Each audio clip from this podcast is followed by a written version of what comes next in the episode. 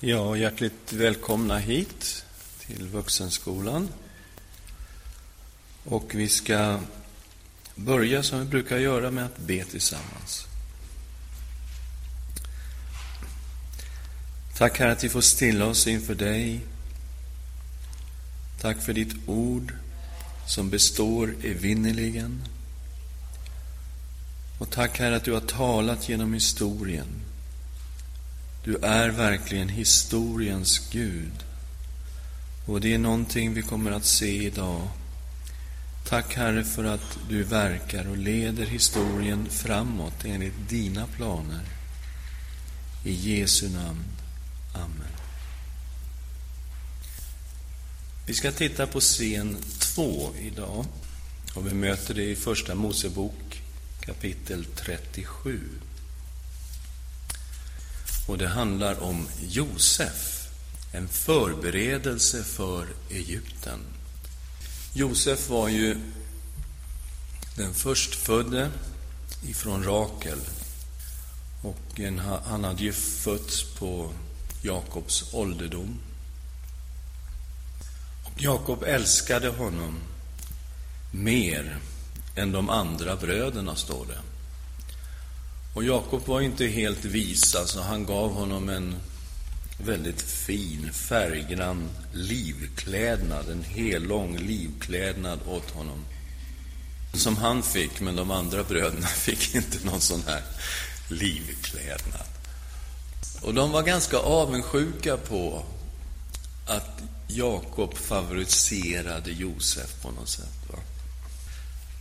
Och sen hade ju Josef drömmar. Vid 17 års ålder fick han drömmar, mycket märkliga drömmar. Han, han eh, sa så här till bröderna när han berättade om drömmarna i 37 och 7. Vi band kärvar på åken. Då reste sig min kärve upp och blev stående. Och era kärvar ställde sig runt omkring och bugade sig för min kärve. Men hans bröder sa till honom, skulle du bli vår kung och härska över oss? Och de hatade honom ännu mer för hans drömmars skull. Sen drömde han igen. Och då drömde han i vers 9 säger han, jag drömde att solen, månen och elva stjärnor bugade sig för mig. Och då tyckte till och med Jakob att det där, nej, det här är för mycket alltså.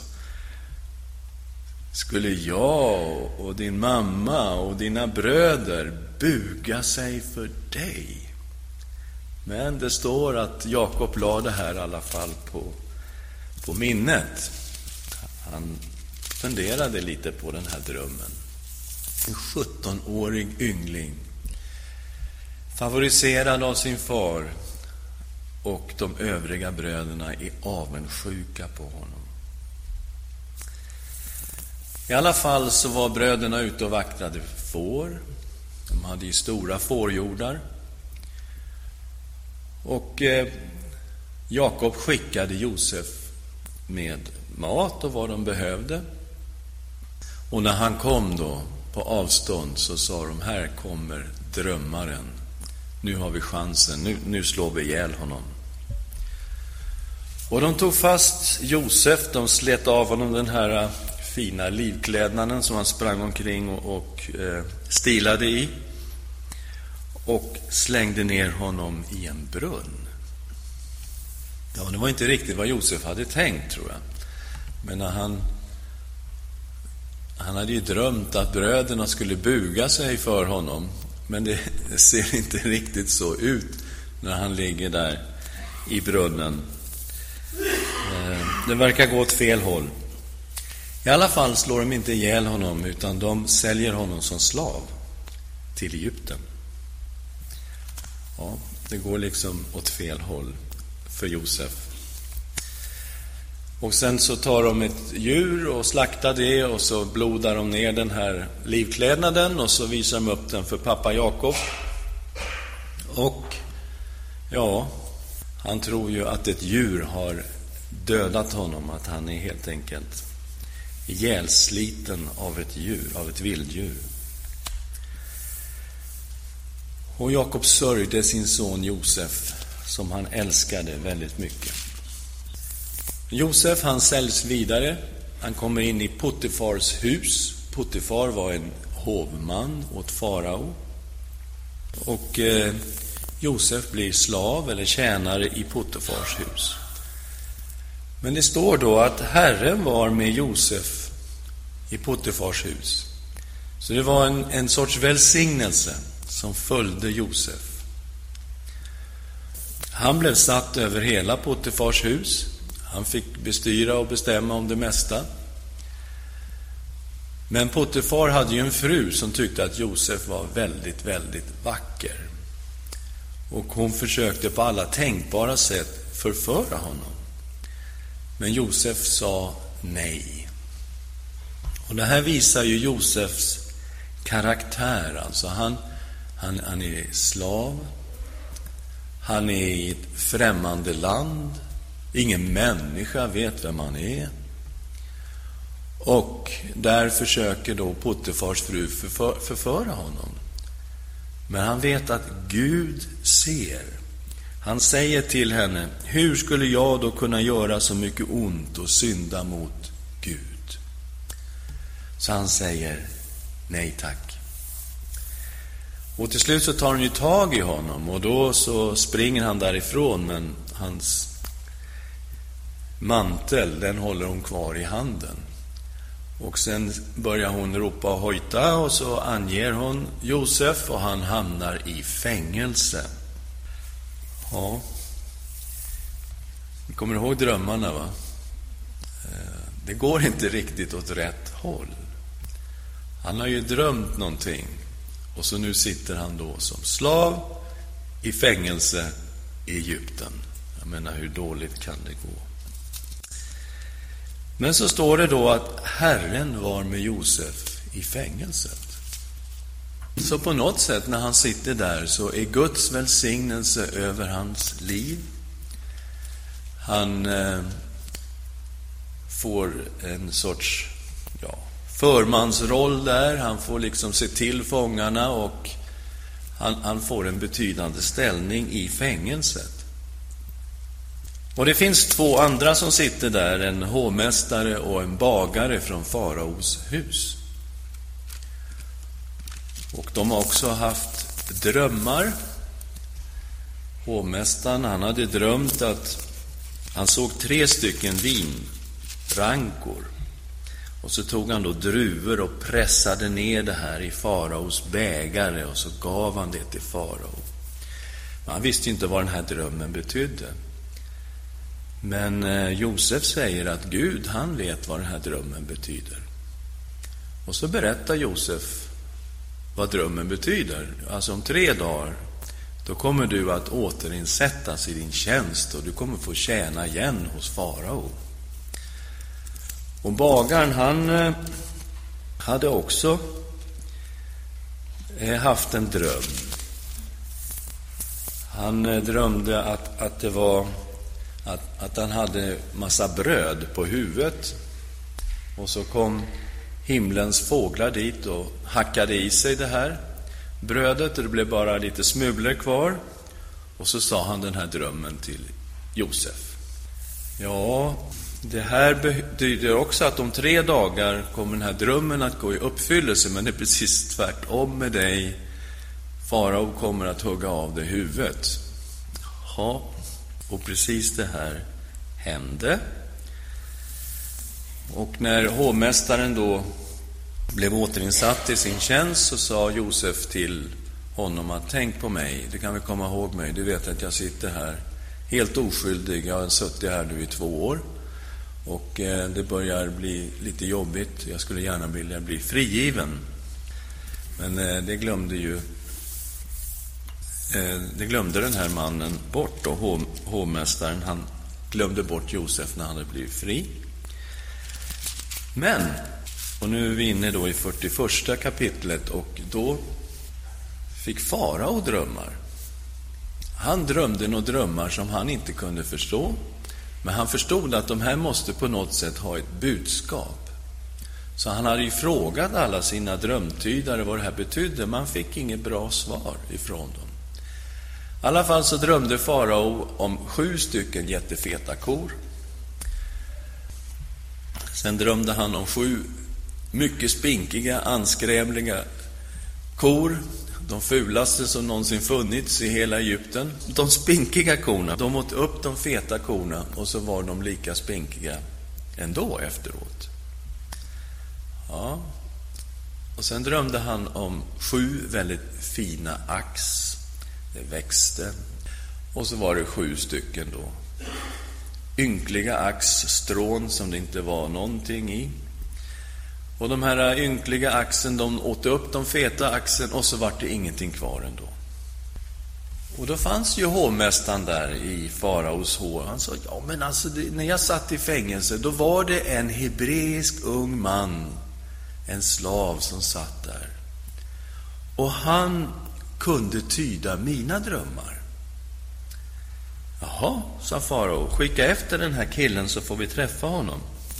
Och jo, Josef står inför farao. Han ger Gud äran, han säger det är inte jag som kan uttyda några drömmar. Men Gud vet precis vad de här drömmarna betyder.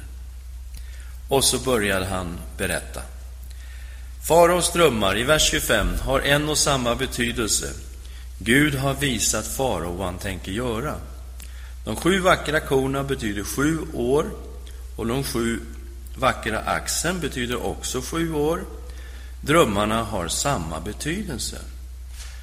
De sju magra och fula korna som steg upp efter dem betyder sju år, liksom de sju tomma axen som var svedda av östanvinden. Sju hungerår ska komma.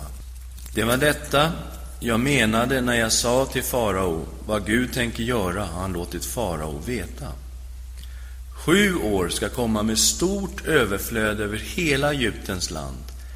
Men efter dem ska det komma sju hungerår och man ska glömma allt det tidigare överflödet i Egypten och hungersnöden ska ödelägga landet.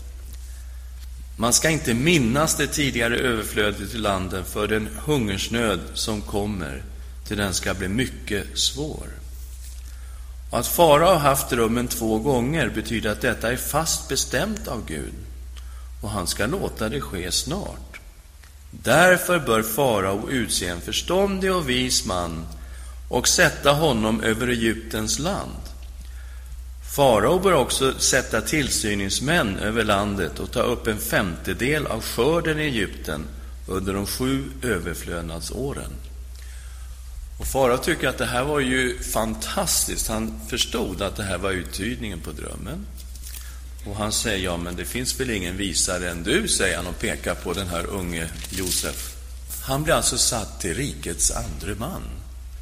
Och hans uppdrag blir då att samla in överflödet, en femtedel av skördarna och stoppa i lador så att det finns när hungeråren kommer.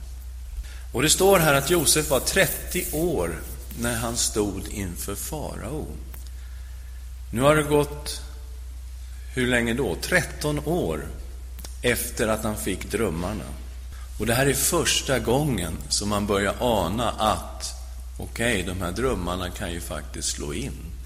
För nu har ju i alla fall Josef fått en position. Han är ju jättemäktig. Det är fullt möjligt att det kan på något sätt en dag hända en sorts situation där de elva bröderna böjer sig ner inför Josef. Åren går, sju år, och mycket riktigt, Josef ser till att de samlar på sig massor och så kommer då hungeråren. Sju hungerår. Och maten tar slut inte bara i Egypten, utan också i hela regionen. Ont om mat i Kanans land också. Och där finns då Jakob och hela familjen. Och eh, till slut så skickar eh, Jakob iväg bröderna, men håller kvar Benjamin hemma, den yngste. Eh, men alla de andra bröderna skickas ner till Egypten. Och när de kommer inför Josef så bugar de sig inför honom med ansiktena mot jorden. Och Josef känner igen bröderna, men de känner inte igen honom. De kan inte föreställa sig att den här egyptiern som står framför dem och som de talar med genom tolk, att det faktiskt är deras bror. De har ingen tanke på det. Josef, han är lite slug här. Han säger, ja men eh, ni är egentligen spioner, va? Eller hur? Erkänn. Ni har kommit hit för att spionera på Egypten. Ni vill ta reda på var vi har våra svagheter i vårt försvar. Och var landet inte är skyddat, eller hur? Nej, nej, nej. Och så kommer det en, en förhörssituation där Josef tar reda på allt om familjen, om pappan som lever, att de har en bror hemma som heter Benjamin och så vidare och så vidare. Ja, säger Josef då, att eh, ja, men då håller jag kvar en av er som gisslan och om ni kommer hit med lillebror, då vet jag att ni talar sanning och att ni inte har hittat på allt det här. Ja, så han tar Simeon som gisslan, som får stanna kvar. Och eh, de går tillbaks hem. De har med sig sin säd. De har lyckats köpa säd. Och betalningen, den ligger överst i säckarna. Så de får pengarna tillbaka och så fullt med säd. Och de är ju ganska rädda egentligen. hur ska det gå med Simeon? De kommer hem och de träffar Jakob och de liksom förklarar hela situationen. Sen vi måste komma ner med Benjamin, annars får vi inte loss Simeon. Han sitter finkan där nere. Ja, men säger eh, Jakob, jag släpper inte Benjamin, det går inte. Ni kommer göra mig barnlös, jag släpper han inte. Nej, det går ju ett år eller så. Hungersnöden fortsätter in på andra året och de har ingen mat. Och Jakob säger, men nu måste ni ner till Egypten och köpa mat. Det finns ju mat där nere. Ja, just det, vi har inte bara mat där nere. Vi har en bror som heter Simon som sitter i fängelse också. Vi måste ta med oss Benjamin. Och Juda säger, jag tar ansvar för honom. Jag lovar att jag kommer att ta ansvar för lillpojken. Om det så ska kosta mig allting. Okej? Okay? De går ner. Och de kommer dit. Och de har faktiskt med sig Benjamin. Ja, och eh, de köper sina, sin mat, sin säd. Men framför allt så har ju då Josef lagt sin silverbägare i Benjamins säd. Och de eh, går på väg, åker på väg hem. Egyptierna sätter efter dem, tar fast dem och kollar då vars och en säck. Och de säger Nej, det är ingen som har stulit något. Du vet att vi är ärliga människor. Vi hade ju med oss betalningen, dubbel betalning tillbaka och så vidare. Vi har inte stulit någonting. Vad är det du säger? Ja, de går igenom alla säckarna och i Benjamins säck ligger då Josefs silverbägare. Ja, nu får de åka tillbaka och när de kommer dit så ger Josef sig till känna. Han berättar hur det är att han är Josef. Och de gråter ju höger och vänster där. Det är helt otroligt. För Josef alltså är det ju en fantastisk situation när han får eh, berätta för bröderna vem han är. Och Då blir de jätterädda. De tänker nu slår han ihjäl oss. Vi har ju sålt honom som slav. Och då säger Josef i 45 kapitlet, i vers 4. Kom hit till mig. När de kom fram sa han, jag är er bror Josef som ni sålde till Egypten.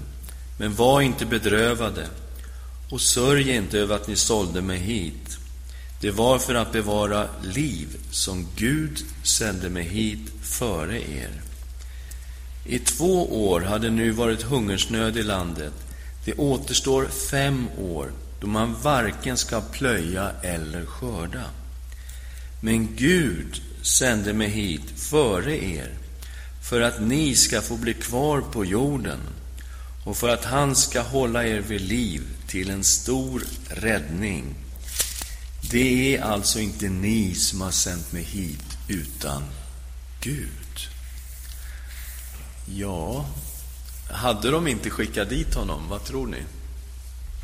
Hade de inte tagit fast honom och sålt honom som slav till Egypten? Det hade de, va? Absolut.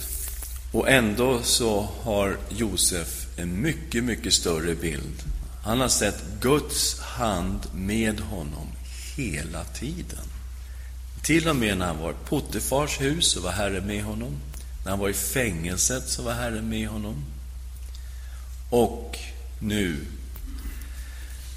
så ser han då att Gud hade den här planen för att rädda hela familjen. Det var Guds plan. Det var Gud som skickade dit honom. Så Gud verkade sina syften mitt i historien. Och vi ser här alltså att de här drömmarna slår in. Vid ett par tillfällen så faller alltså bröderna ner på sina ansikten mot jorden. Och de är mycket, mycket rädda. Och det var precis det här som Josef hade drömt om. Och sen kommer då Jakob ner med hela familjen till Egypten. Låt mig då säga att det här var någonting som Gud visste om från början och någonting som han hade planerat ända från början. När Gud gjorde förbundet med Abraham, då fick Abraham veta vad som kommer att hända med hans avkomlingar, med hans folk. I Första Mosebok 15 kapitlet, vers 12, läser vi när Gud gör förbundet med Abraham. När solen höll på att gå ner föll en tung sömn över Abraham. Och se, då kom skräck och ett stort mörker över honom. Och Herren sa till Abraham, du ska veta att dina efterkommande ska bo som främlingar i ett land som inte är deras. Där ska de bli slavar, och man ska förtrycka dem i 400 år. Men det folk som gör dem till slavar ska jag döma. Sedan ska de dra ut med stora ägodelar. Men du själv ska gå till dina fäder i frid och bli begravd i hög ålder. I fjärde släktledet ska de återvända hit, ty ännu har inte amoréerna fyllt sina synders mått. Så Gud är i högsta grad historiens Gud. Han såg rakt in vad som skulle hända och han berättade för Abraham vad som skulle ske och på något profetiskt sätt så fick också Abraham uppleva det här mörkret eh, som skulle komma över familjen när de en dag skulle förslavas i Egypten. Men det är lite längre fram. Men vi ser hur de här drömmarna slår in och hur Gud har en plan med allt sammans. Vi kommer till 48 kapitlet där Josefs båda söner kommer inför Jakob. Josef har fått två söner i Egypten. Det är Efraim och Manasse. Faktiskt Manasse och Efraim i den ordningen. Manasse var äldre, Efraim var yngre. Och det visar ju sig att Jakob här adopterar de här två sönerna och upphöjer dem så att de får varsin arvslott i Israel. När han välsignar dem så lägger han högerhanden över, ja, han lägger armarna i kors och lägger sin högra hand på Efraims huvud och sin vänstra hand på Manasses huvud. Och Josef säger, men eh, så där ska du inte göra pappa, eh, det är den andra som är äldre. Ja, min son, jag vet vad jag gör, Gud ska välsigna honom också. Och så sätter han den yngre framför den äldre och välsignar då Efraim och Manasse och upphöjer dem till sina söner. Och de fick också full arvslott i Israel. När landet sen fördelas så har Efraim ett stamområde, Manasse har ett stamområde och i verkligheten då finns det tretton stammar. Den trettonde stammen som inte fick något stamområde var ju Levis stam, präststammen som var utspridd i Israel. Sen välsignar Jakob sina söner vid 49 kapitlet. Och eh, han ger en speciell välsignelse till var och en av sina söner. Och vi ska lägga märke till vad han säger till Juda i åttonde versen. Juda, dig ska dina bröder prisa. Din hand ska vara på dina fienders nacke. Din fars söner ska buga sig för dig. Ja, men det är ju konstigt. Josef hade ju haft en dröm när han var 17 år gammal. Att sönerna, att barnen, bröderna skulle buga sig för honom. Och det sker ju i den här texten flera gånger faktiskt, bugar de sig för Josef. Men när Jakob ska välsigna sina söner, då är det Juda som får den här välsignelsen. Din fars söner ska buga sig för dig. Det ska alltså komma en härskare ur Juda stam som ska regera över bröderna och deras stammar. Ett ungt lejon är Juda. Från rivet byte har du rest dig, min son. Han böjer sig och lägger sig ner som ett lejon, som en lejoninna. Vem får honom att resa sig? Spiran skall inte vika från Juda, inte härskarstaven från hans fötter, förrän han som den tillhör kommer, och folken blir honom lydiga. Okej, okay han ska vara som ett lejon, och Uppenbarelseboken har vi detta med lejonet av Juda, som pekar fram mot en person, mot Messias mot Kristus. I Uppenbarelseboken är han ju lejonet av Juda och lammet som har blivit slaktat. Spiran ska inte vika från Juda, härskarspiran. Det ska komma en kung ur Judas stam och folken ska bli den här kungen lydiga. Och här ser vi alltså en Messias profetia. Vi förstår att välsignelsen gav till Abraham, i dig ska alla släkter på jorden bli välsignade. Så Messias ska komma genom Abraham, genom Isak, genom Jakob. Han ska komma ur Judastam. Och när vi tittar längre in i Gamla testamentet så ställer vi oss frågan, har Gud gjort det ännu tydligare? Vilken familj i Judas stam ska han komma ur? Han ska komma ur Davids hus och släkt. När Messias kommer så ska han vara Davids son. Men den här välsignelsen som Jakob ger till Juda, den pekar direkt fram emot Messias. Din fars söner ska buga sig för dig. När Jakob dör så tänker bröderna, oj då, nu, nu är vi illa ute igen här. Och de kommer inför Josef och bröderna ber Josef om förlåtelse. I, I det femtionde kapitlet, vers 17, så ska ni säga till Josef, vi ber dig, förlåt dina bröder för vad de har brutit och syndat genom att handla illa mot dig. Så förlåt nog den synd som din fars Guds tjänare har begått. Josef grät när han fick deras hälsning.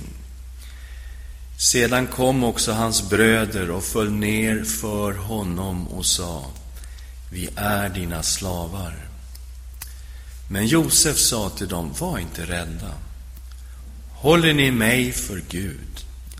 Ni tänkte ont mot mig, men Gud har tänkt det till godo genom att det som nu har skett för att bevara många människors liv.